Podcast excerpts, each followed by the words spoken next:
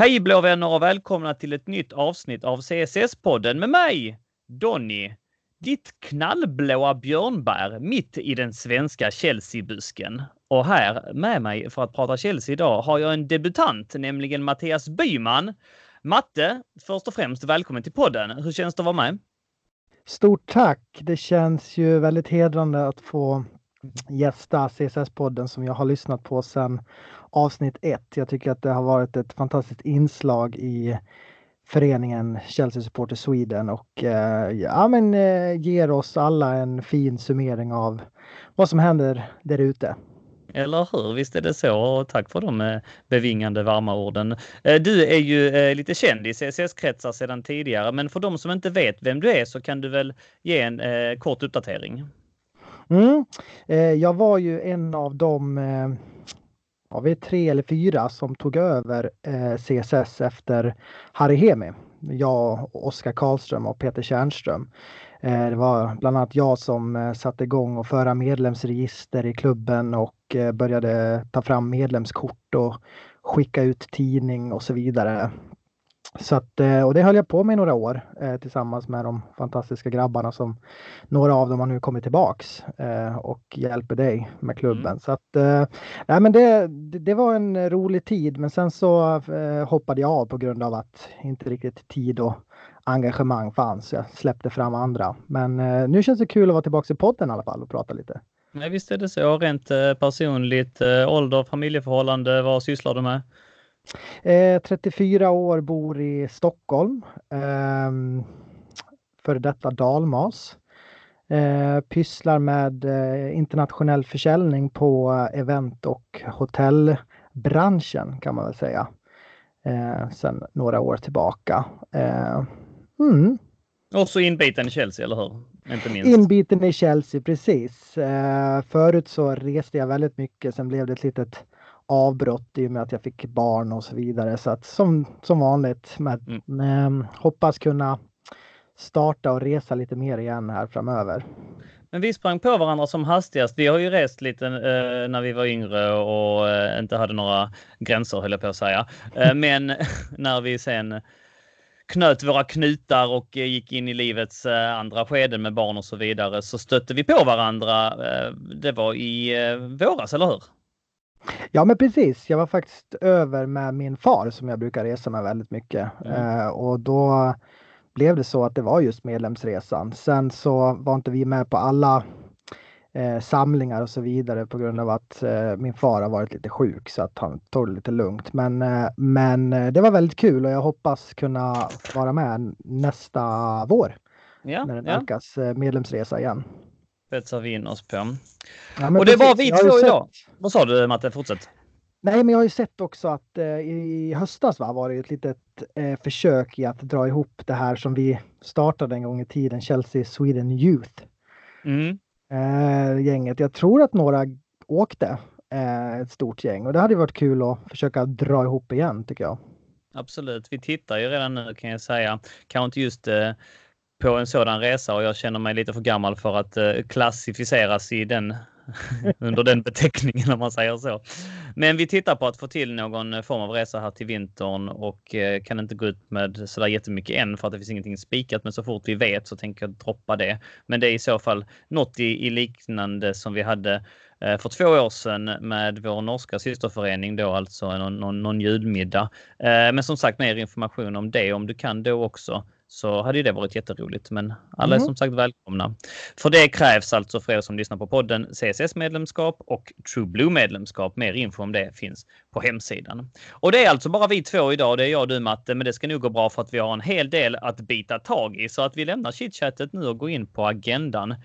Chelsea är fortfarande vinstlösa efter tre spelade matcher under Frank Lampards ledning och i söndagens återkomst till Stamford Bridge för Lampards del blev det trots en pigg start bara en pinne.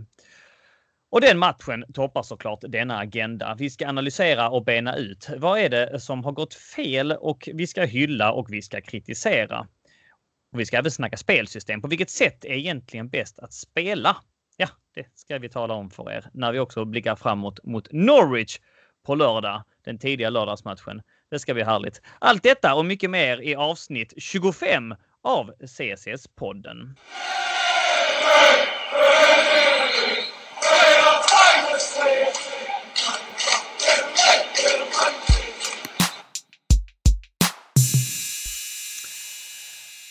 Så då Matte, då har vi varmt upp och eh, eh känner väl oss redo att gå.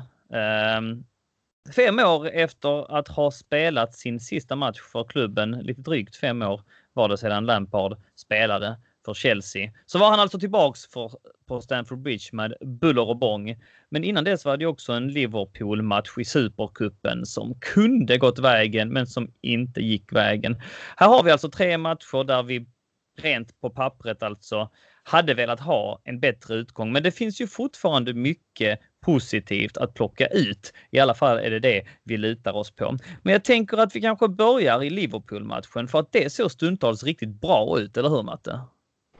Ja, men eh, tycker faktiskt att det såg riktigt bra ut. Jag var, eh, när jag satte mig i soffan eh, innan avspark där så var jag jag var livrädd alltså. Jag, efter den här smällen mot United, som ändå, det har, vi, det har ju ni pratat om, att det kanske inte såg så illa ut som det blev, men, men det var trots allt 4-0 och jag kände så här, ja, det kan bli 4-0 i, i röven igen. Eh, mm. Så illa är det. Men sen så tycker jag man såg ganska snabbt att eh, Eh, vi stod upp bra och Liverpool var lite skärrade och vi skapade chanser och det såg relativt stabilt ut bakåt. Så att eh, nej, jag tycker att det såg eh, stundtals riktigt bra ut.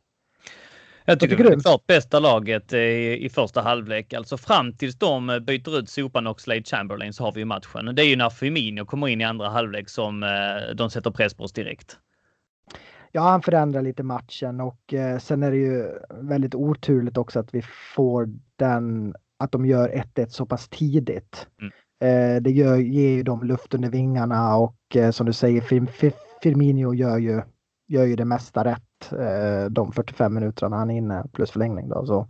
Men ehm, jag tycker ändå att försvaret eh, stod upp bra, eller vad, vad säger du?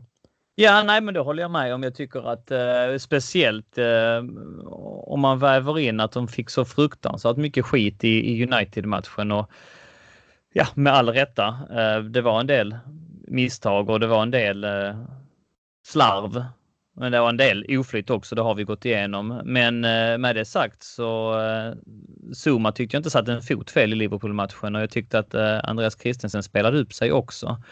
Eh, även Aspilicueta som fick mycket skit i United-matchen var riktigt duktig mot Liverpool och kände som att han hade, hade koll på sin kant. Jag tänkte att han kanske skulle ha problem med kanske framförallt Robertson på, på motsatt kant som också brukar ta stora långa löpningar uppåt i banan och slå bra inlägg. Men jag tyckte han hade koll på läget verkligen. Och även Emerson var duktig. Ja. Men stora... Ja, sorry, jag släpper in dig. Ja, nej, men jag tycker, jag tycker framförallt att man glömmer Emerson som jag tycker tycker, eh, vi kommer in på Leicester-matchen också, gör en, en riktigt bra match mot Liverpool. Han har ändå Trent Alexander mot sig och eh, han har Sala mot sig som är erkänt otroligt snabba kontringsspelare. Emerson spelar väldigt offensivt men jag tycker att han täcker även väldigt mycket bakåt. Eh, är det någon sida som, som, som vacklar lite så är det ju Aspilicuetas sida. Mm. Ja, och det ska vi också gå in och fokusera lite grann mot Leicester. Jag måste jag säga, dock säga att jag tyckte han var riktigt, riktigt bra mot Liverpool, men eh, tyvärr eh, så eh, är ju han man tydligast kan kritisera efter, efter Leicester-matchen. Men jag tänker vi håller oss kvar i Liverpool-matchen lite till. Jag tänker kontrasterna mellan att spela utan Kanté och med Kanté blir väldigt tydliga om du jämför United-matchen med Liverpool-matchen, eller hur? Kanté eh, blir återigen våran viktigaste spelare. Det ser man ganska tydligt. Eh, jag tycker att eh, jag skrev på min Twitter efter United-matchen att eh, Jorginho och eh, Kovacic, de täcker inte eh, de blir inte den här naturliga skölden framför mm. våran fyrbackslinje som Kanté gör själv. Mm. Uh, han, han var ju, hans första 45 mot Liverpool var ju, alltså jag har aldrig sett han bättre tror jag. Nej. Bra offensivt också. Ja, och det får man väl eh, ge lite cred till våran förra tränare Maurizio Sarri som, som eh, lät Kanté vandra lite mer framåt och, och, och lära sig att avsluta och spela lite framåt. Nej, jag tycker han var riktigt bra. Jag såg faktiskt en intervju med Sola, bara eh, kom förbi i flödet, jag kommer inte ihåg om det var Facebook eller Twitter och det var bara en del av intervjun, men eh, där de pratade om eh, Kanté i den rollen, alltså i ett 4-3-3. Mm. För när man såg på Liverpool-matchen på laguppställningen så var det ju ett 4-3-3 och det applicerades också ett 4-3-3 i den matchen. Men till min förvåning då alltså med Kante eh, som inom, alltså vad säger man, inte som offensiv utan som, som central mittfältare fast på en kant i det här centrala mittfältet. Alltså inte som ankaret. Mm. Och mm. eh, det var ju någonting som eh, Sarri fick mycket kritik för förra året och de, de ställde den frågan till eh, Sola Eh, och han eh, adresserade det väldigt bra och menade på att det ni, det ni glömmer i sammanhanget är att eh, Kanté är inte en sittande mittfältare. Han är ingen defensiv mittfältare. I Leicester, när han gjorde den säsongen som han blev så hyllad för, när Chelsea sen värvade honom, så var han mer uppåt i planen. Det var Drinkwater som tog det defensiva ansvaret. I Chelsea, eh, när man vann ligan då under Mourinho, då var det ju, eh, eller förlåt, eh, under Conte är det ju, då var det ju eh, Matic ofta som föll ner va? och att, att eh, Kante tog ett eh, offensivare ansvar även där. Så han menar egentligen inte så stor skillnad på den rollen och jag har aldrig riktigt tänkt på det på det sättet och jag har också varit en av de som skrikit ofta på att Kante borde spela som, en, eh, som ett ankare i det här 4-3-3. Men eh, uppenbarligen så började ju Lampard honom också lite mer på en kant va? och det funkade hur bra som helst. Ja, nej, men det är väl en, eh, egentligen en klockren analys. Eh, många vill väl se honom där bak för att man, man tycker liksom att han, han är självklar där. Men, mm. eh, men i Liverpool-matchen såg man ju att eh, han kunde stänga de där ytorna och ligga som en sköld trots att han mm. låg lite höger om Jorginho. Mm. mm.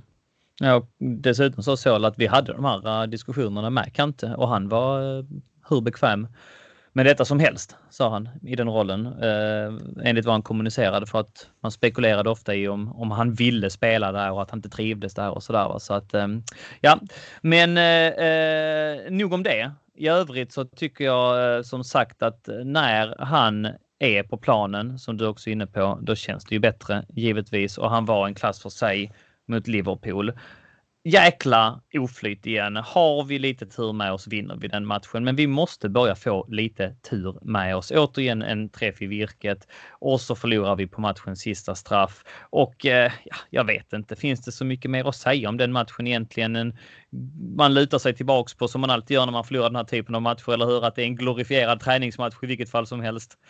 Ja, jo, men det, det är så så är det ju och man har ju stött och blött den här på, på alla forum och alla mm. plattformar så att det, jag tycker vi kan lämna det. Men, men som du sammanfattade bra, jag tycker att jag tycker det är en 50-50. Vi, vi kan vinna, Liverpool kan vinna eh, och sen så om jag bara får avsluta det så tycker jag att det är ganska konstigt att man spelar med förlängning och eh, ger oss så trötta ben eh, mm. inför den här matchen två, två lag som är mitt inne i säsongstarten ska inte behöva spela en, en förlängning på 30 minuter i en sån här fight. Det tycker jag inte.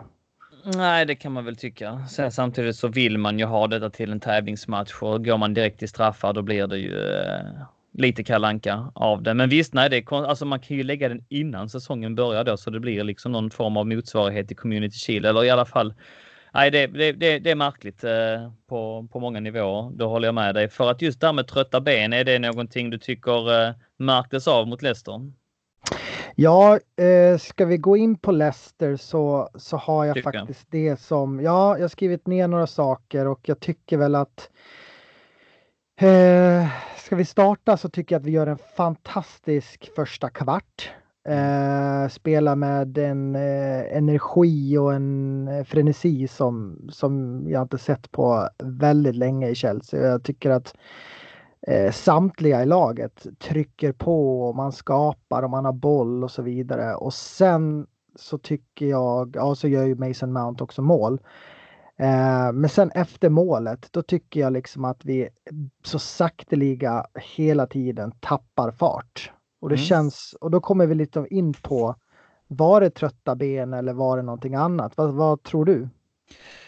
Eh, ja, alltså inledningsvis så är jag ju helt med dig och det är ju alla. Och jag såg eh, precis innan jag slängde mig på uh, micken här med dig så såg jag också vårt klipp i Match of the Day Uh, och det är fantastiska möjligheter vi har i början. Alltså, vi har uh, den här eh, Giro Pedro link-appen där Giro bröstar ner den till Pedro och den går. Jag vet inte om den träffar kanske eventuellt lite stolpen och sen bara i, i burgavlen. Men det är ett hårt volleyskott som Pedro. Om den går en halv meter på andra hållet så finns det ingen chans att Michael hinner med den. Sen har vi uh, också en boll upp mot Giro som han skarvar vidare till Mason Mount där han hade kunnat släppa den åt vänster men han väljer att skjuta och sen kommer Pulisic i andra vågen. Alltså egentligen är det en studs fram och tillbaks där men det är så nära, så nära mål det bara kan bli. Sen så har vi målet då som kommer jättepåpassligt av Mason Mount igen och sen så har ju Mason Mount också. Återigen så måste man nämna att Aspilicueta gör en ganska bra första halvtimme. Första mm. halvlek kanske, men en ganska bra första halvtimme. Eh, för att vi dominerar matchen och offensivt så är han där uppe och slår. Han ligger bakom rätt mycket av vårt anfallsspel inledningsvis och inlägget till Mason Mount. Där är det bara lite mer styrka, lite mer erfarenhet eventuellt och lite mer kraft. Sätter han lite riktning på den nicken, den ska in. Alltså den ska in och här om vi om det är så att vi brister i eh, kompetens eller talang eller spets. Det vet jag inte, men jag, jag, vill nästan luta mig på att det är fan med lite otur där också. Alltså för att få han lite riktning på den nicken så går den in. Och Giroud-klacken eh, ska vi inte snacka om när Emerson kommer runt på kanten och spelar in den och han väldigt snyggt klackar den bakåt till kanten som kommer stormande och det är bara, alltså det är jättefint försvarsspel. Jag tror det var av Fuchs. Men han får en fot på den och den slickar stolpen. Och allt det har vi liksom inledningsvis av matchen. Sen är det som du säger att man, eh, man tappar i tempo och man, eh, det smyger sig in lite grann av en osäkerhet. Jag har diskuterat detta i podden rätt många gånger tidigare att jag tror att lag som spelar dåligt och vinner sina matcher ofta stärks av det. Att eh, som Liverpool nu har inledningsvis inte spelat så bra, men de har vunnit sina matcher och de, de kommer att bli starkare av det. Och förr eller senare så börjar man spela bra som ett lag. Men tyvärr är det också så att lag som spelar bra och förlorar sina matcher efter ett tag börjar spelar dåligt. Och efter en halvtimme där kanske att vi håller ut eh, halvleken ut, men, men andra halvlek så är det en helt annan match, tyvärr. Eh, och där kan jag ju ställa eh, frågan för att vi ser. Vi ser alltså ett Leicester som kommer ut helt supertaggade. De, de, de får med sig ett mål på en fast situation. Vi är ruskigt dåliga på fasta situationer i år. Märkte inte du det mot Liverpool också? Alltså varenda hörna de hade resulterade ju i en farlig chans, eller hur? Ja men så är det och eh, vi saknar ju lite eh, vi saknar lite styrka och bra huvudspelare. Jag tror inte att det bara handlar om organisation om man tar man-man eller zonförsvar eller vad man nu kan prata om i ett försvarsspel. Jag tror att det här mycket handlar om att idag har vi egentligen bara Zuma som är liksom riktigt stor och mm. kraftfull. Man kanske kan säga att Giroud kan gå tillbaks och nicka bort men mm. låt oss gå tillbaks några år när vi var liksom superstarka på offensiva och defensiva. Då hade vi fyra, fem spelare som var superduktiga på huvudet. Vi hade Drogba, det var Ivanovic, det var Terry, mm. eh, vi kan säga Ballack etc. Yeah. etc. Eh, idag har vi mycket små spelare. Eh, mm. Mycket lätta spelare och jag tror att det är där vi brister. Plus såklart att vi kanske inte har någon organisation. Sen ska jag göra dig lite glad. Jag vet ju att du inte är den största, den största hyllaren av Kepa. Eh, mm. och där tycker jag också syns lite grann att när det kommer hörnor och när det kommer inlägg så är det försvararna som tar bort. Det mm. Kepa står fastnålad på linjen. Mm. Han går sällan ut och plockar bollar. Mm. Eh, och det, då då infinner sig en osäkerhet bland försvararna också. Så när, jag tror att det är så att när vi har hörnor, vi vet att vi inte är starka och har man då en målvakt som står fastklistrad på linjen så, så blir vi ju inte starkare av det om man säger så. Nej, nej. Ligger det någonting i det tror du? Ja, ja såklart. Det vet du att jag, att jag, att jag tycker. Och det här med, med, mitt eh, ifrågasättande av Kepa, det har ju blåsts bortom all rimlig proportion. Han, så fort han gör en räddning så droppar de ju den i CSS-podden-gruppen. Haha, alltså som att jag på något sätt sitter och, och, och hatar snubben. Så är det ju absolut inte. Men eh, jag tyckte han blev väldigt hyllad förra säsongen eh, och, och över prestationer som jag inte riktigt såg va, när jag faktiskt tyckte att han var misstagsbenägen och, och framförallt det du säger. Jag, de tog upp det faktiskt i förra eh, podcasten av, av, Chelsea Fancast också där eh, man jämförde exempelvis med typen en, en Schmeichel som han liksom kunde dominera sitt straffområde. Han sprang ut och fångade bollar. Det ser man ju inte och det är klart att jag, jag är av den åsikten att en en eh, väldigt bra målvakt dominerar sitt straffområde. En väldigt bra målvakt sprider en säkerhet till sin backlinje. Och jag tror att eh, Kepa är en bra målvakt och jag tror att han har all talang i världen att bli en väldigt bra målvakt. Men jag tycker inte han är riktigt där än och jag tycker mig se det de här första matcherna också. Eh, även om eh, han såklart gör fina reflexräddningar ibland och, och eh, gör väldigt många bra grejer också så ser jag väl inte riktigt honom som den, den färdiga produkten än. Och det kan mycket väl ligga någonting i det att eh, den osäkerheten sprider sig ut till, till backlinjen och, och så på fasta situationer också. Men en annan sak jag tänkte på Matte, varför sätter man inte folk på stolparna? Ja, det där är någonting nytt att man vill ha fler spelare på eh, spelare så att säga. Man vill inte ha folk på yta utan man, man ska spela någon slags eh, Men om vi då man, bara har korta spelare, om vi då vet om eh, vilka Kepas brister är då, i alla fall jag och du ser ju det. Och eh, alltså kan man inte kompensera det med att tjockna till det i målet liksom? Ja, jag, jag håller med. Jag är ju en förespråkare för att ha spelare på främre och bortre stolpe. Och igår, nej igår, i förrgår Uh, så... Ja, Vi spelar ju in detta på, på, på en måndag så att det är när ja, folk lyssnar på det så är det oftast på en tisdag fastän vi har några inbitna som faktiskt lyssnar direkt när det kommer ut också. Det visar statistiken. Så. Men i söndags, ja. Ja, precis. Nej, men eh, då tyckte jag mig se också att eh, när man kollar på repriserna så har ju Zuma är ju den spelare som inte har markering. Han står ju på eh, främre stolpe som zon. Alltså inte vid stolpen utan lite längre ut. Men när hörnan går över honom då har vi ju liksom inte någon egentligen som kan nicka och då kommer alltså Aspilicueta han hänger ju i shortsen där. Han har inte en chans. Eh, så tyvärr så, så tror jag att eh, det, som du säger, jag tror att man måste se över helt hur man ska ställa upp på fasta situationer. Vi nämnde Aspilicueta där också och han eh, blev ju föremål för kritik efter matchen. Många tabloider i eh, England går rätt så hårt åt honom. Eh, igen får man väl ändå säga. Han blev kritiserad ganska mycket under Sarris regim förra året som en svag länk, som en spelare som har sina glansdagar bakom sig. Uh, har blandat och gett här inledningsvis denna säsong också. Var, var har vi honom? Vad har vi för status på, på vår kära lagkapten? Eh, nej men man kunde väl se, jag har ju alltid tyckt att eh, uh, Aspilcueta har varit en sån här spelare som, uh, som alltid dyker upp i sista sekund. Uh, när det kommer ett inspel, när det kommer ett snitt inåt bakåt, då har han alltid varit där och täckt och han har alltid ändå om han inte har satt offensiven så har han i alla fall satt defensiven. Mm. Eh, nu känns det lite som att han varken sätter offensiven eller defensiven och då blir det ju ganska påtagligt att han, att han är ett problem. Eh, jag såg eh, en statistik från en journalist i England och 70 eh, av de mål vi har släppt in i år nu, nu är det inte så många men det är ändå sex stycken va? Eh, så, så har, är det Aspilcueta som är, som är liksom eh, har varit orsaken till det direkt? Varit orsaken, eller? precis. Eh, beror på såklart hur man ser det. Men, eh, men eh, ja, det finns. Han har absolut frågetecken runt sig. Sen har det bara gått tre matcher och eh, man ska inte hänga eh, eh spelare allt för snabbt.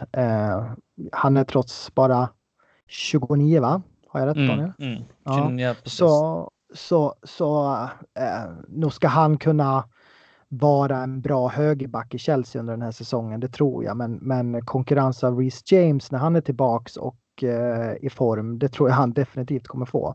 Mm. Sen eh, eh, min analys av det hela, varför Leicester kommer igång i andra, det tycker jag också tyvärr är lite Aspelkueta. I första halvlek så tycker jag att ändå han gör en ganska bra halvlek. Han har koll på Leicesters eh, James Madison som oftast mm. eh, får upp spelen som oftast ligger där uppe och flyter eh, bredvid Wardy. Han utgår ju ifrån vänster då på Asp Aspilicuetas kant och jag tycker att i andra så då, då får Aspilicueta stora problem med Madison och när Madison får de ytorna då, då får också försvarande lag problem och det fick vi. Vad, mm.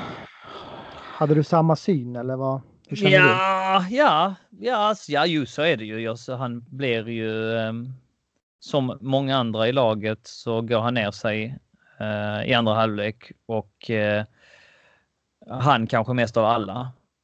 Men uh, då får man också ha i åtanke att han som sagt gjorde, vad blir det, 120 minuter.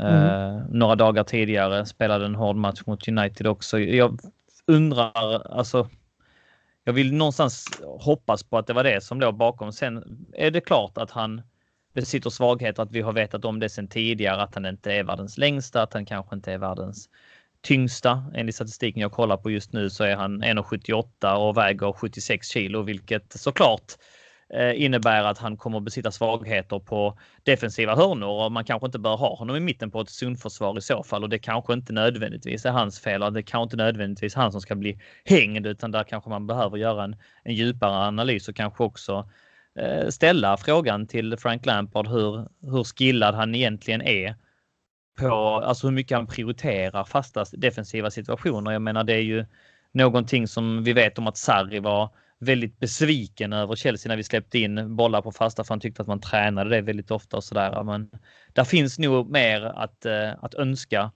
från eh, tränarhåll också rent taktiskt hur man ställer upp och som vi är inne på kanske har täpper till och kanske har rätt man på rätt plats. Det kanske inte är helt vettigt att ha honom på en Didi då om han Didi ska in på den ytan utan då får man göra kanske en, en liten rotation mm. och så vidare. Men jag vill ju tro att han fortfarande är en bra. Jag tror inte att man kan förfalla så vid 29 års ålder som, eh, som ytterback. Jag, jag, jag, hoppas inte, vi har visst, vi har sett det tidigare att man vid 29-30 års ålder faktiskt tappar i kvalitet. Men jag, jag hoppas inte att han är där. Är det så att han skulle vara där, ja då får vi ju sätta vår tillit till Rhys James i år och han kommer ju komma tillbaks här inom en, två månader vad det verkar som en av de senaste rapporterna. Men eh, jag, jag, tror och hoppas fortfarande på att Cesar Azpilicueta har det där för att kunna vara en bra högerback. Han har varit en av världens absolut bästa högerbackar. Det har han varit. Han har varit med oss sedan 2012, va? Något mm. i den stilen. Mm. Och eh, förtjänar att eh, få fler chanser innan vi skriver av honom helt, i alla fall i min bok. Ja, men det är som jag sa innan när vi gick in på Aspelkueta ämnet där så tycker jag inte att man, man ska. Visst, han har, han har gjort två och en halv eh, riktigt eh, dåliga matcher nu. Mm. Eh, men man kan inte hänga en spelare på tre matcher. Det är ju fler i laget som har gjort dåliga matcher så att jag tror också att det finns där. Sen tror jag att det kanske är på väg att eh, försvinna lite snabbhet som han har haft såklart. Han blir äldre. Eh, ja, men han håller på att bli lite sämre, men jag tror fortfarande att vi har en bra högerback i Aspelkoeta under säsongen. Det, där är jag helt med dig.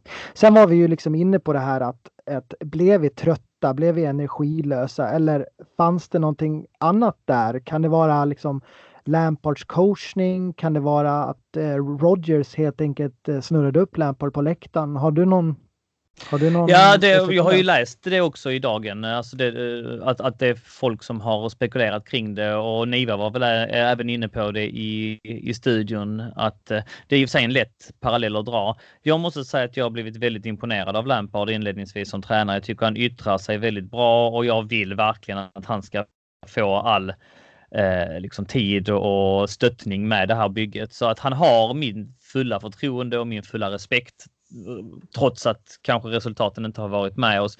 Men med det sagt så tycker jag väl ändå att man kan sätta ett frågetecken kring, ja absolut, var det här eh, erfarenhet som smög sig in? Var det här eh, en, en tränarkamp som faktiskt eh, vanns i, i halvtid? För att så bra som vi spelar första halvleken Alltså så, så, så bra nu när vi gick igenom de här chanserna. Vad det hade kunnat stå 4-0 med lite tur. Men att göra en så dålig andra halvlek. Eh, någonting kokas det ner i och eh, Lampard själv ja, ifrågasatte lite mentaliteten sådär va och, och eh, ja, önskar att, att man borde ha fortsatt givetvis och det är klart att han inte ville ha det där scenariot men kontentan är ju ändå att vi faktiskt hade kunnat förlora matchen. Att vi är det klart sämre laget i andra halvlek och baserat på andra halvleks framträdande så kunde eh, Leicester, man kan lätt argumentera för att Leicester borde ha vunnit matchen och de var ju faktiskt närmast att vinna den så som det spelades ut i andra halvlek. Så att ja, viss cred får man nog ge Rogers eller vad säger du? Ja, definitivt. Jag tycker att, eh, jag tycker eh, som du säger, jag tycker Leicester gör en riktigt bra andra halvlek. Sen, sen tror jag jag är på ditt spår. Jag, jag, jag, tror på Frank Lampard och jag tror på hans sätt att eh, ha ut laget och coacha laget. Jag tror det här handlar väldigt mycket om att de flesta som var på plan hade 120 minuter i benen mot Liverpool bara några dagar innan och vi orkar helt enkelt. Leicester är för bra för att vi ska spela på 70 procent. Eh, då kommer de liksom forcera mot oss. Och jag tycker man inte minst såg det på i andra halvlek att vi tappar så mycket boll. Onödiga bolltapp när vi är på väg upp. När vi trycker upp vårt lag eh, och ska gå till anfall. Då tappar vi otroligt mycket boll i felbeslut och eh, helt enkelt dåliga passningar. Och jag tycker återigen nu men på högerkanten med både med Aspelkueta och Pedro. Eh, Pedro tycker jag liksom kämpar och gör det väldigt bra både mot Liverpool och Leicester men jag tycker han tappar väldigt mycket boll när vi är på väg att ställa om och det mm. blir ju livsfarligt. Mm. Pavlidis sa här eh, förra veckan att det finns ju en anledning till att den här jäkla Pedro fortsätter att spela match in och match ut och mot, mot Liverpool så var jag ju beredd att hålla med honom. Jag gick eh, hårt åt honom efter United-matchen men tyckte han gjorde en jäkla bra match i Supercupen och just hans eh, engagemang och fart och att han ständigt krigar och täcker. Alltså han springer jättemycket. Han springer mm. faktiskt jättemycket och i det här spelet med press. Men som sagt, han hade också spelat hela matchen. Kanske inte var helt vettigt att starta honom då eh, mot, eh, mot Leicester för att eh, han, han gick ner sig. Han blev verkligen trött, det såg man. Han kanske borde ha tagit ut honom tidigare åtminstone. Var, vad vet jag, men eh, nej, att han tappar bollen, det, det, har han eh, i sig. Absolut, och det gjorde han några gånger och det, det höll på att sluta riktigt illa, speciellt vid ett tillfälle när han bara helt sonika bara tappar den till Madison som spelar fram mm. Vardy och på en annan dag så sätter han den vänsterskottet som slickar stolpen istället. Så att, um... Nej, nej, så är det. Uppställningsmässigt då, eh, Matte. Vi, vi körde alltså eh, en variant på 4-2-3-1 mot Manchester United och det gick ju sådär. Eh, Eh, vi eh, spelade en mer rak 4-3-3 alltså mot Liverpool och det gick ju jättebra, det får man ändå säga. Men var, när laguppställningen eh, kläcktes så ställde man ju i alla fall i grafiken upp med ett 4-2-3-1 mot Leicester, alltså återigen. Och den här gången då med Kante och Jorginho som defensiva mittfältare, Mount i, i 10-rollen och, och Pulisic och Pedro som offensiva yttermittfältare. Men när matchen spelades så såg man ju snarare att det var en 4-1-4-1 med Jorginho bakom och så då eh, Mount och Kante båda två lite mer uppskjutna i, i planen. Kontentan är att han laborerar rätt mycket Lampard och, och vad, vad föredrar du? Jag är ju en förespråkare av den mer raka 4-3-3an som vi fick se mot Liverpool.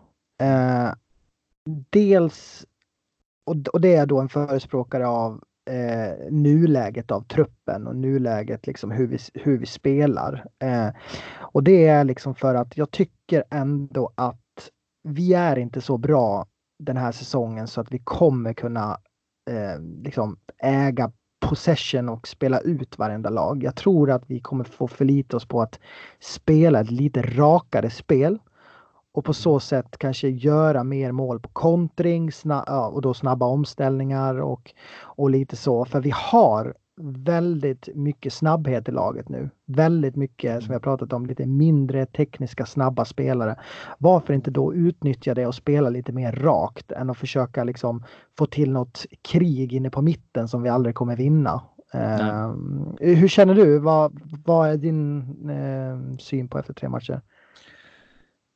Ja, men jag håller med. Jag, jag, tror nog också det är konstigt att säga egentligen i och med att eh, den här eh, 4-3-3 blev så sågad förra året under Sarri. Men eh, det har ju absolut sett bättre ut när man har spelat den, ja, framförallt mot Liverpool, det är det vi har att gå på.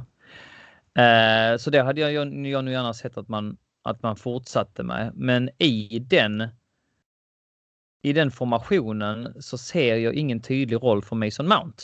Det är ju där vi har problemet. För att ska man spela 4 3-3. Det är Jorginho kan inte självskrivna, men Mount kan ju inte gärna spela så djupt ner i banan. Jag tror inte att Lampard resonerar så i alla fall, utan då får det bli Kovacic eller kanske Barkley. Och så då har vi ju bara två yttre att gå på. Mount är ju lite mer av en central spelare, även om han har spelat ytter lite grann då och då också. Men det verkar i alla fall som att Lampard ser honom som en central spelare och då, då finns det inte riktigt något utrymme till honom i den laguppställningen. Och det känns ju dumt att säga i och med att Mount var en av få ljusglimtar i, eller en av få ska man kanske lite väl hårt va, men han var en av, ändå den som drog hem de största applåderna på eh, Stamford Bridge i, eh, i, i söndagens match mot Leicester och fick, fick bäst betyg i tabloiderna och sådär, eller hur? Nej, men jag, jag har uh, suttit och funderat och jag är inne på precis samma spår som du. Eh, problemet i ett 4-3-3 rakt, det är ju Mount. Men, men samtidigt, jag tycker att Mount är väldigt allround. Jag tycker att han gör det väldigt bra mot Liverpool i en ytterroll. Eh, han, han blir ju inte en, en Christian Pulisic som kanske mer slickar kanten och eh, gör sin gubbe på utsidan. Mount blir ju en lite mer som kliver in. Men jag menar, där har vi haft Hazard i många år som har gjort spela på samma sätt. Så att, mm. Men, eh, men eh, han är väl tänkt att spela centralt eh, och, där, och det är väl där han ska vara. Så att, men frågan är om han, kan, om han kan utveckla sitt spel under säsongen och bli en spelare för en rak 4-3-3 på mitten. Det, jag, jag, tror det. Jag tror att Mason Mount har alla möjligheter att eh, kunna ta Kovacic roll där. Har han imponerat på dig? Jag tycker att eh, han har faktiskt imponerat på, under alla tre matcherna. Jag tycker att han är, ser helt orädd ut. Jag tycker att han liksom går in med ett självförtroende och det ser ut som att han har väldigt kul på plan. Och eh, det känns som att mm. på något sätt så tror jag att han känner att jag har förtroende från eh, Lampard och Morris och Edwards på bänken. Jag, jag tror att han känner det. Att eh, jag, jag, ska spela som, som jag vill och som jag gör, då får jag spela. Och som det känns nu så är väl Ross Barkley ganska petad va? Eller vad känner du om Ross ja. Barkleys eh, icke eller, eller vara eller icke vara? Ja, nej, det alltså Mount har spelat jättebra. Sen så, sen så vet jag inte. Jag, jag kan fortfarande. Jag är ju lite skeptisk, skeptiskt lagd. Jag tyckte att han absolut var, var, var riktigt bra mot, mot Leicester också, men det är ändå lite eh, erfarenhet och rutin. Jag tänker inte bara tokhylla honom som en färdig produkt riktigt ännu, utan jag, jag eh, drar lite grann i bromsen där för att eh, han har grejer han måste fila på. Ibland tycker jag mig se att även om han har som du säger enorm frenesi och kämpar och visar hjärta och eh, jag älskar honom skitmycket och tror och hoppas han kan få en riktigt bra karriär i Chelsea så tar han fel beslut ibland offensivt. Han, ibland släpper han inte bollen när han borde göra det. Det har vi sett prov på vid några tillfällen. Eh, den där spetsen är inte riktigt där. Eh, nicken ska sitta bättre. Han har eh, något skott också mot Liverpool som får han ut den en meter så, så gör vi mål. Då hinner inte Adrian dit. Så att lite nära spetskvaliteten saknas. Va? Men med det sagt, grabben är 20 år. Va? Så att han kommer ha eh, en lysande karriär för oss förhoppningsvis under väldigt många år framöver. Men eh, jag är nog lite, det verkar ändå lite grann som att Lampard samtidigt som man tycker om honom väldigt mycket och sätter väldigt stor tillit till honom också har flaggat lite grann för att han kommer nog inte spela alla matcher utan det här är en, en talang som vi måste vårda och ta hand om. Och det, det, det kan jag väl eh, hålla med om att han har kanske en bit kvar för att vara exakt den där eh, superfärdiga produkten, men det har gått snabbt för honom. Alltså det är stor skillnad på Derby Championship och ett titelaspirerande Chelsea, även om man kanske kan argumentera för att vi inte aspirerar på titeln i år. Men du förstår ändå vad jag menar och med allt det invävt så har jag också blivit superimponerad av honom. Men eh, det här med eh, Lampard, om vi ändå har varit lite både hyllat honom och även lite grann kritiserat honom. Är det här att han uppenbart har favoritspelare? Är det lite av ett problem? För jag menar, det är väl klart att alla tränare har sina favoriter. Så enkelt är det. Och det är klart att man ser att Lampard sätter väldigt stor tilltro till Mason Mount. Men är det någonting som jag tyckte faktiskt Lampard gjorde fel i Leicester-matchen, det var att byta ut Giroud så tidigt i andra. Och här känner jag att eh, han sätter väldigt stor tillit till Tammy Abraham. Och även om jag vill att det ska gå väldigt bra för Tammy Abraham så eh, undrar jag om han verkligen har det som krävs för att leda ett Chelsea-anfall. Eh, återigen hoppas jag att han har det, men eh, jag hade gärna sett att Giroud blev kvar på planen mot, mot Leicester för att jag tyckte han låg bakom väldigt mycket och var väldigt bra i sitt link-up-spel och, och, som sagt var där och skarvade och bröstade ner och stångades och det försvann faktiskt helt när Abraham kom in.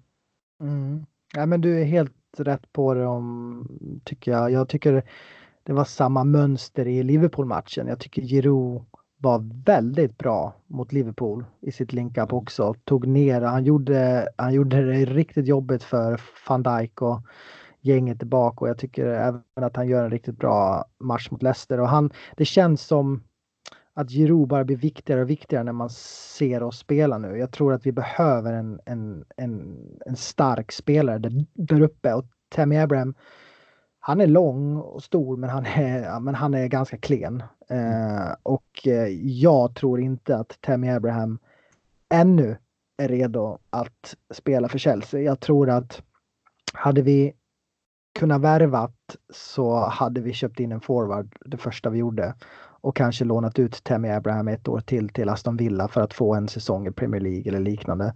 Eh, jag är precis som du, man vill ju att alla de här akademispelarna från Chelsea ska lyfta och man vill att de ska få en fantastisk karriär. Men är det någon av alla talanger i Chelsea som jag är lite tveksam på så är det faktiskt Tammy Abraham.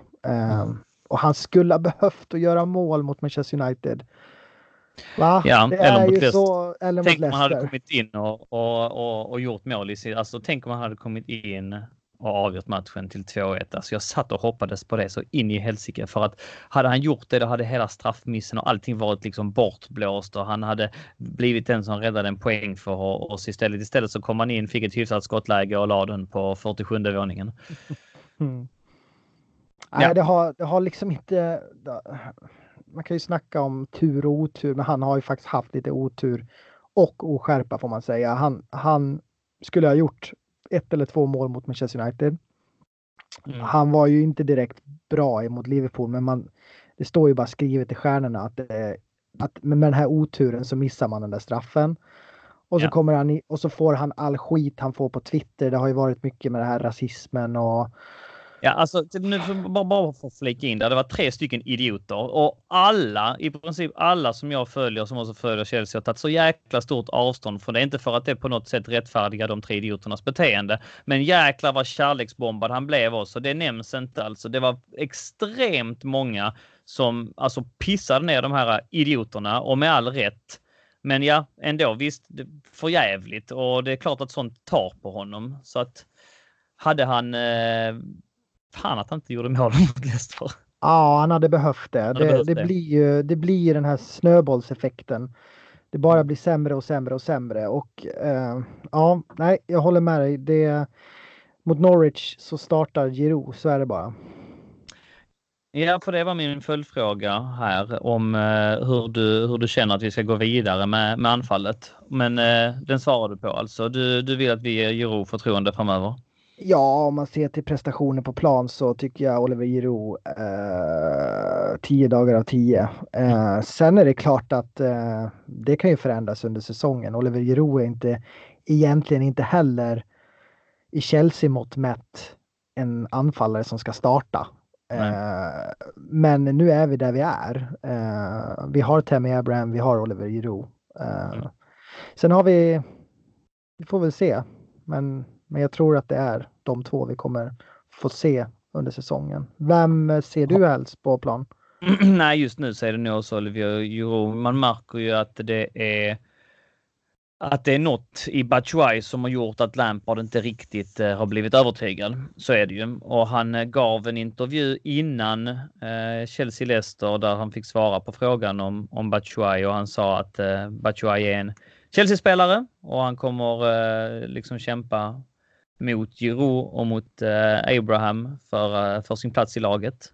Och han dementerade väl att han skulle vara på väg bort från klubben. Men han nämnde också att han tyckte att han eh, måste röra sig på det sättet som en anfallare i ett Frank Lampard Chelsea ska röra sig.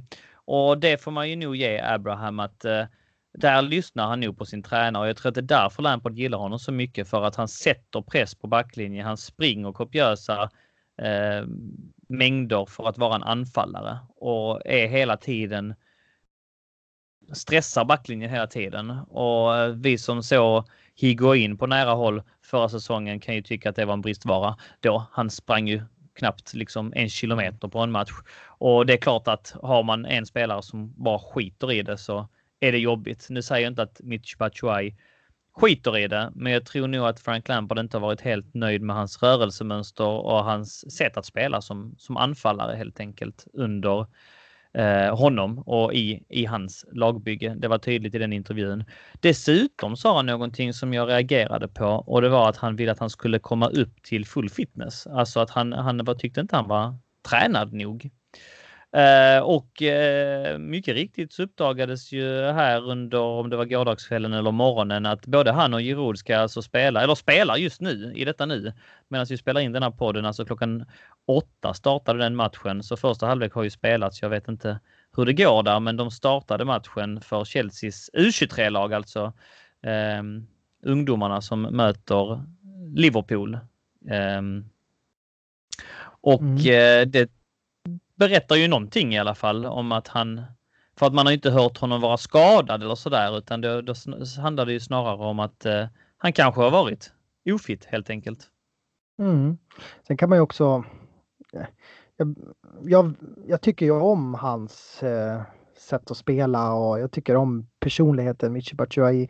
Men man kan också, jag menar, om man tänker efter, han har inte platsat, han har inte fallit i smaken för ja, Mourinho, mm. Conte, Sarri och Lam. Han har fått chans under alla de fyra tränarna, men ingen har valt att satsa på honom.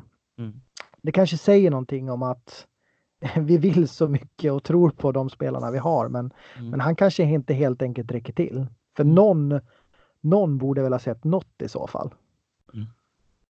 Nej, det så är det ju. Och, äh, vår, vår vän eh, Pavlidis sa det i, äh, i podden förra veckan att äh, Lampard ser ju trots, är ju trots allt där på träningarna och är det någonting som äh, man måste ge Lampard, eller jag tänker ge honom, så är det i alla fall den respekten att han faktiskt, även om man kan kalla det för favoritspelare eller sådär, och han verkar ha koll på läget trots tre stycken resultat här inledningsvis som inte har gått vägen så tycker jag att han har hållit ett samlat och förtroendeingivande intryck. Han har eh, eh, gett väldigt bra svar på intervjufrågorna som har slängts hans väg. Han har gjort bra matchanalyser och jag har egentligen, egentligen så är inte jag alls i en position där jag ska på det minsta kritisera honom. Men då hade jag inte behövt spela in podd heller för att man måste kunna snacka lite kring både ditten och datten i sådana här sammanhang. Annars blir det inte roligt om man bara sitter och Chelsea-runkar och pratar hur, hur jäkla gött allting är. Så, så, så, så funkar det inte, i alla fall inte i, i, min poddvärld. Och eh, ja, som sagt här just anfallet, eh, anfallet det tycker jag ändå är, är fog för diskussion och det är intressanta ämnen vi tar upp och ja, för att eh, svara på frågan du inledde med. Giroud mot Norwich tycker jag är en bra idé. Mm. Jag tycker ju någonting också när vi pratar om att eh, Abraham inte gav effekt riktigt så har jag antecknat ner här inför podden att jag tycker inte att eh, de förändringarna som Lampard gjorde gav effekt överhuvudtaget. Om vi tittar på Williams inhopp, det blev ju bara sämre. Jag ansåg ju Jag tänkte faktiskt att vi, vi är synnerligen synkade idag för att det var min nästa poäng här alltså. William, vad fan gjorde han på planen? Ja, det var, det var bland det sämsta jag sett. Han hade inte ett rätt. Han kunde varken slå hörner, han kunde inte slå frispark, han kunde slå en passning rätt. Och han, han som ändå, okej, okay, mycket skit har han fått genom, genom de senaste åren. Men, men eh, det man inte kan beskylla honom på det är att han inte kämpar i alla fall. Han springer mycket vilja, men inte ens det kunde han mäkta med eh, under matchen. Nej. Han såg rent ut sagt slö ut. Ja, riktigt slö och oengagerad. Och det, och nästan som att han har fått tian liksom nu eh, på ryggen och, och äh, lite divig sådär. Mm. Återigen, det kanske är höga växlar att dra på ett inhopp, men baserat på det inhoppet, nej fy William, skärpning. Ja, också det här liksom att man kommer tillbaks eh, lite senare än de andra på grund av ehm, eh, sydamerikanska mästerskapen. Eh, man ligger lite efter i träning, har nu kommit i fas, man får chansen att sitta på bänken, ny tränare, ny trupp. Ska mm. man inte då komma in och liksom tokspringa Mm. Vara supertaggad och försöka avgöra den där matchen. Istället så går man in och bara Ja, jag vet inte vad han gjorde på plan. Så att eh, tyvärr, jag är ju, jag är ju av i den fanskaran som tycker att eh, nummer 10, det förtjänar inte William, även om man inte ska lägga för mycket vikt på, på nummer på spelare. Jag tycker ju att de här buden man har fått senaste halvåren från eh, diverse klubbar på, det har ju spekulerats i 40 till 50 miljoner pund, så tycker jag att man borde ha sålt en plus 30-årig William. För att jag tycker inte att han har varit bra de senaste, senaste året. Eh, och jag tycker att han tillsammans med Louise eh, som nu har lämnats och sådär. Jag tycker att det är dags för dem att, att gå vidare. William har gjort väldigt mycket gott för Chelsea men jag, jag tror inte att han kommer inte bli bättre och jag tror inte att han kommer rosa oss den här säsongen heller. Jag tror att man hade gjort bättre i att eh, casha in på honom. Eh, mm. skulle du vilja eller skulle du vilja ha kvar honom i att man ger honom, som det spekuleras nu, ett längre kontrakt eller vill du hellre se att någon, någon ungdom får chansen på hans position? Ja, det, det blir tufft att försvara honom efter, efter det inhoppet, för jag såg ju också det du, du, du säger här. Men jag är inte så hård mot honom som du är. Jag tycker att han har uh, uh, han har stora kvaliteter och eh, kan han få. Men sen så. Jag gillar inte riktigt det med. Jag vet om att det är spelarnas rättigheter och jag vet om att de har rätt då enligt något jäkla spelarförbund till tre veckors semester från den sista spelade matchen och att det då gäller landslag och sådär. Eller exakt hur den regeln är, det vet jag inte, men men det är många som nyttjar det och jag vet ju om att eh, Cahill gjorde det ju förra året när eh, England var med i EM och var på sin eh, semester och eh, kom tillbaks efter då att Chelsea hade spelat några träningsmatcher och hade ju stora problem att slå sig in i det laget medans då Ruben Loftus-Cheek resonerade annorlunda och kom tillbaks tidigare och, och eh, fick ju också eh, vad säger man, han, han, han drog nytta av det så att säga. Han, mm. eh, han sa nej, jag, jag, jag spelade inte så mycket för England. Gjorde inte Cahill heller kan man ju tycka i, i mästerskapet. Utan ja, jag behöver en veckas ledighet och kom tillbaks. Det gjorde Pulisic med. Han sket i det. Han slöt, slöt upp med laget i Asien, eller hur? Mm. Och eh, ville vara med. Och eh, det är klart att det är Williams rättighet att inte göra det. Men eh, jag tycker det är lite häftigt när spelare väljer faktiskt att nej, jag vill tillbaka snabbt och imponera på min nya tränare som, som Pulisic gjorde. Så att eh, mm, det får man också väva in någonstans i detta. Ehm, sen så hade det ju varit vansinne att sälja honom i ett transferfönster när vi inte får värva in någon spelare. Så att där tycker jag ändå att det är rätt att man, man behåller honom den här sommaren och eh, har honom den här säsongen. Så att eh, jag hoppas eh, fortfarande att han har de kvaliteterna som jag vet om att han har haft tidigare i alla fall och hoppas att han kan visa det här framöver. Även om jag både tycker att Pulisic och kanske även Pedro ska gå före. Eh, om de båda är utvilade så att säga. Jag tycker att Pulisic har ändå imponerat det jag har sett. Även om man inte hade någon jättematch mot Leicester så tycker jag att man ser tydliga kvaliteter där. Håller du inte med om det?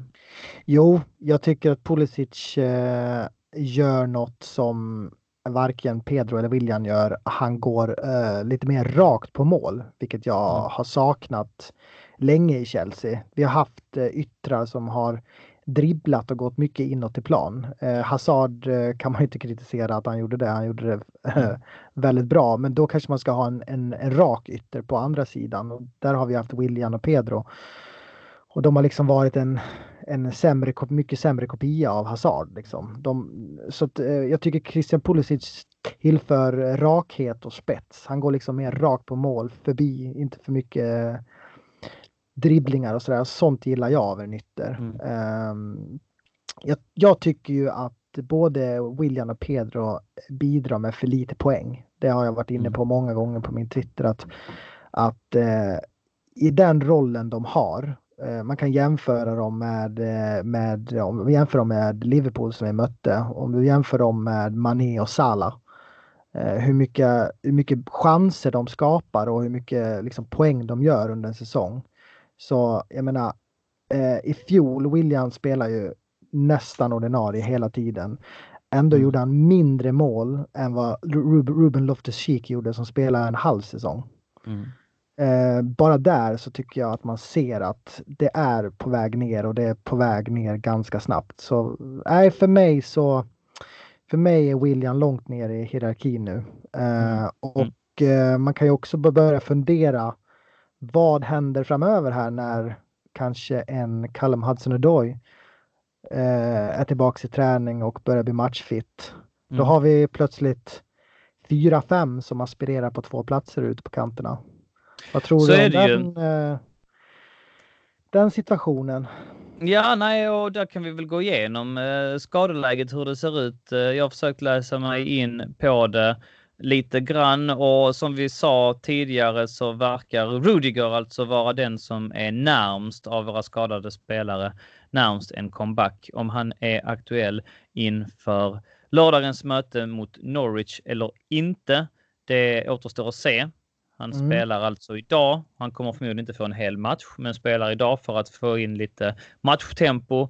Men eh, jag är väldigt eh, nyfiken på Rudiger Zuma och jag tror att eh, av eh, Rudiger, Zuma, Tomori och eh, Christensen, de fyra alternativen vi har i backlinjen just nu så är Rudiger nog den bästa backen och Zuma den näst bästa backen. Så jag tycker att de bör spela ihop. Bara kort, håller du med om det? Det håller jag absolut med om och det tror jag också att eh, det är så det blir. Eh, vad man har sett.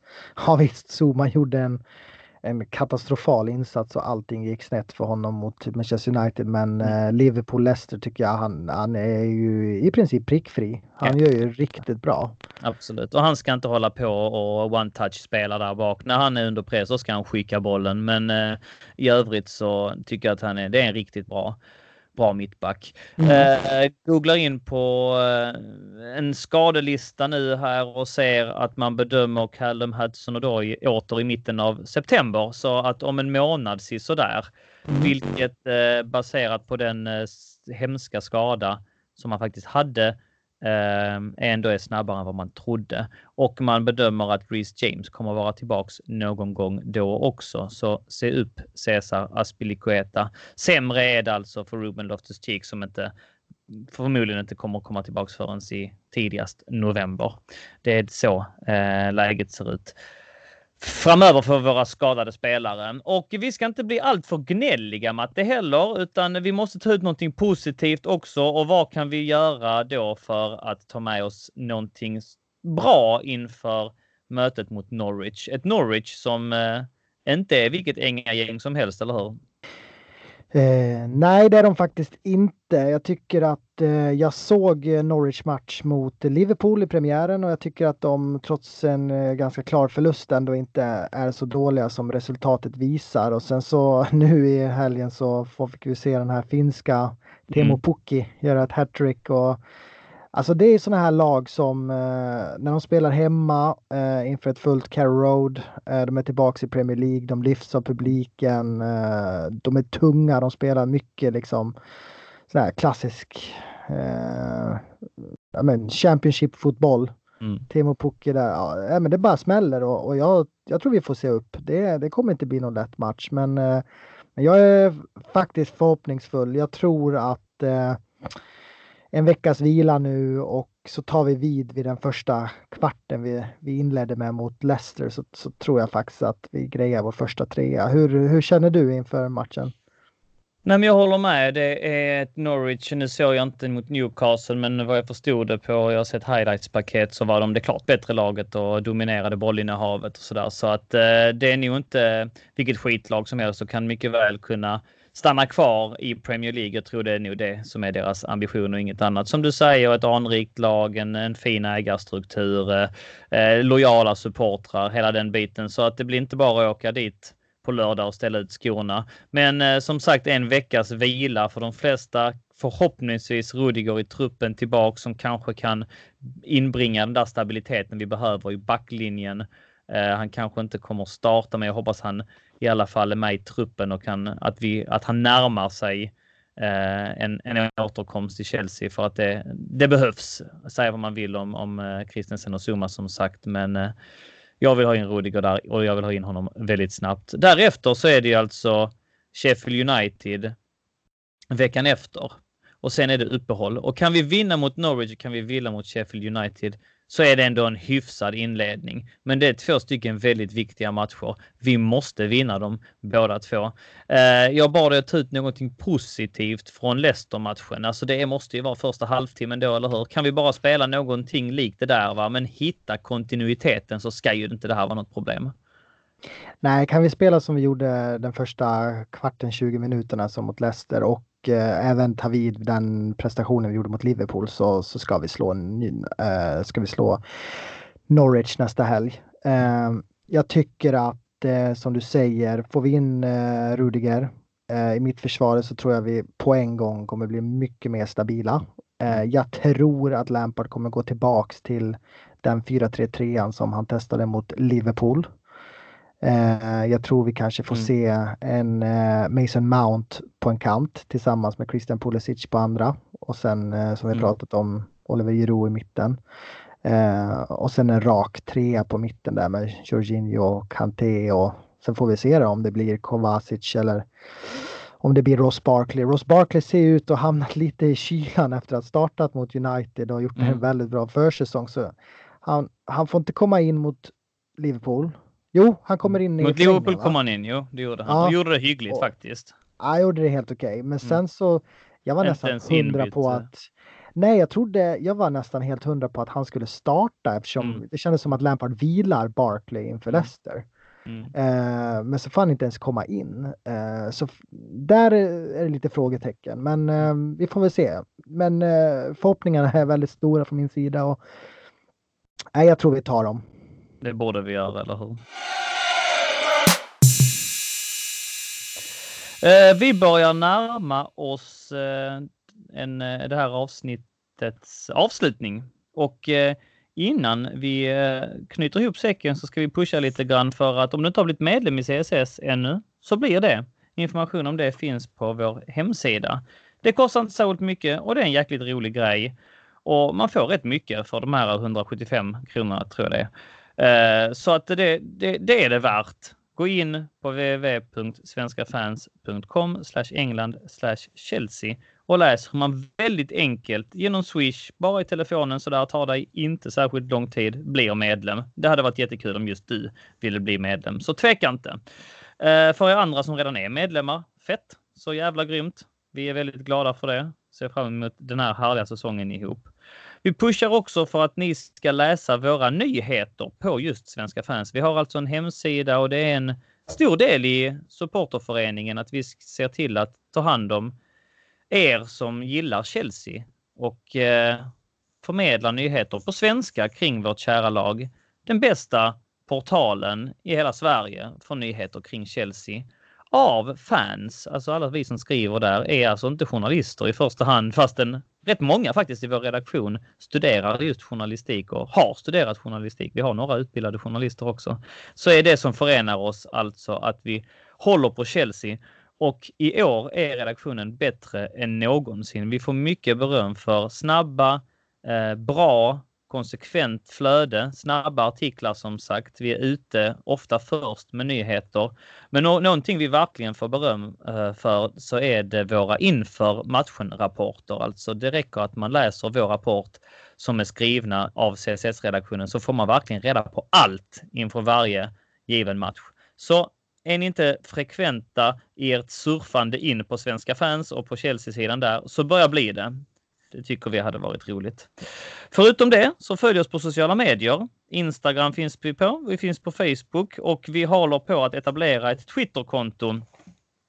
Um, har eh, bra killar som rattar det kontot nu och vi får ut väldigt mycket även där. Så är du involverad i Twitter så följ oss. Snälla följ oss. Det hade varit jätteroligt om det kontot kunde växa för det är det värt så mycket engagemang de här grabbarna lägger ner i eh, Twitter just nu. Så att det är en satsning som vi verkligen har antagit oss 2019. Och har du inte Twitter så skaffa Twitter och följ oss. Det hade varit roligt. Avslutningsvis så vill jag också uppmana att ni ska fortsätta gilla, fortsätta kommentera, fortsätta stötta. Det hade varit bara ball om ni kunde fortsätta det. Vi uppskattar all positiv feedback vi kan få och är det så att ni har kritik så kommer den också. Det är inga konstigheter. Men tänk på att vi som jobbar med CSS, vi gör det alltså bara för att vi tycker att det är roligt och tycker att det är kul att hålla på Chelsea och det är det som förenar oss. Så att då kan man vara faktiskt lite extra bussig och det måste jag flagga för. Inte bara för min egen del. det är alltid kul att få beröm, så missförstå mig rätt. Jag säger det lite för min del också, men framför för grabbarna som engagerar sig del. En liten dunk i ryggen då och då. Det funkar som bra tändvätska när man inte har någon ekonomisk kompensation i slutet av regnbågen. Så, så är det med det. Förutom de här pusharna Matte så kan man följa dig på Twitter, eller hur? Vad heter du? Det kan man göra. Jag eh, går under namnet Hundsurr faktiskt. Ja, mycket konstigt. Men eh, ja, och du, och du, delar ofta med dig av dina eh, åsikter. Så in och följ Matte också. Ni ska veta det att detta är det sista avsnittet av CSS-podden i detta format, alltså med mig som programledare. För nästa vecka är Wille Sjögren tillbaks och det är han som kommer ta vid. Och det kommer bli lite förändringar i podden, men det kommer bli bra förändringar och välkomna förändringar. Och Matte, tanken är väl att du ska bli lite involverad också. Inte nog med att det har varit jäkligt bra surr här idag och att du har mycket vettigt att komma med, så har även du lite initiativ som du ville liksom introducera här under CSS flagg igen som vi ser fram emot, eller hur? Är det någonting där du kan avslöja redan nu eller? Ja men absolut. Det har först och främst bara eh, fantastiskt trevligt att få sitta med dig Daniel och eh, snacka lite Chelsea. Du är ju väldigt vettig och härlig och lika kärleksfull som alltid. Mm. Stort tack för allt engagemang du har haft i podden och jag tror att nu när Ville tar över så kommer det bli eh, minst lika bra och att podden lever vidare är superkul. Men jag har väl tänkt att Eh, om Ville vill ha mig med på tåget så är jag gärna med och pratar lite grann eh, framöver i höst. Eh, inte bara gästar idag utan gästar lite mer framöver. Och sen så är väl tanken att vi ska göra en liten spin-off på det här och eh, gå live. Eh, så att vi ska alltså eh, köra jag vill inte lova någonting, men eh, några få i alla fall eh, avsnitt live med videokamera så att ni får se vilka som är ansiktena bakom podden och eh, ja, skapa någon liten twist på podden då och då. Eh, mm. Och det gör alltså i från... studio ska vi lägga till för att vi har kört mm. lite live tidigare över länk, va? men det är inte riktigt samma sak. Men här pratar vi alltså i studio. Det kan vara värt att nämna, eller hur? Precis, här pratar vi riktigt seriös studio. Mm. Eh, så att, eh, och när det blir av beror lite på eh, hur det ser ut i höst för eh, våran kära Ville Sjögren som sitter uppe i Norrland när han kan komma ner till Stockholm och när vi kan få ihop det. Men förhoppningsvis är att vi kan göra någon slags halvtidsavsnitt i höst. Mm. Eh, kanske någon gång oktober, november siktar vi på eh, och hoppas att ni lyssnare kommer eh, gilla den grejen.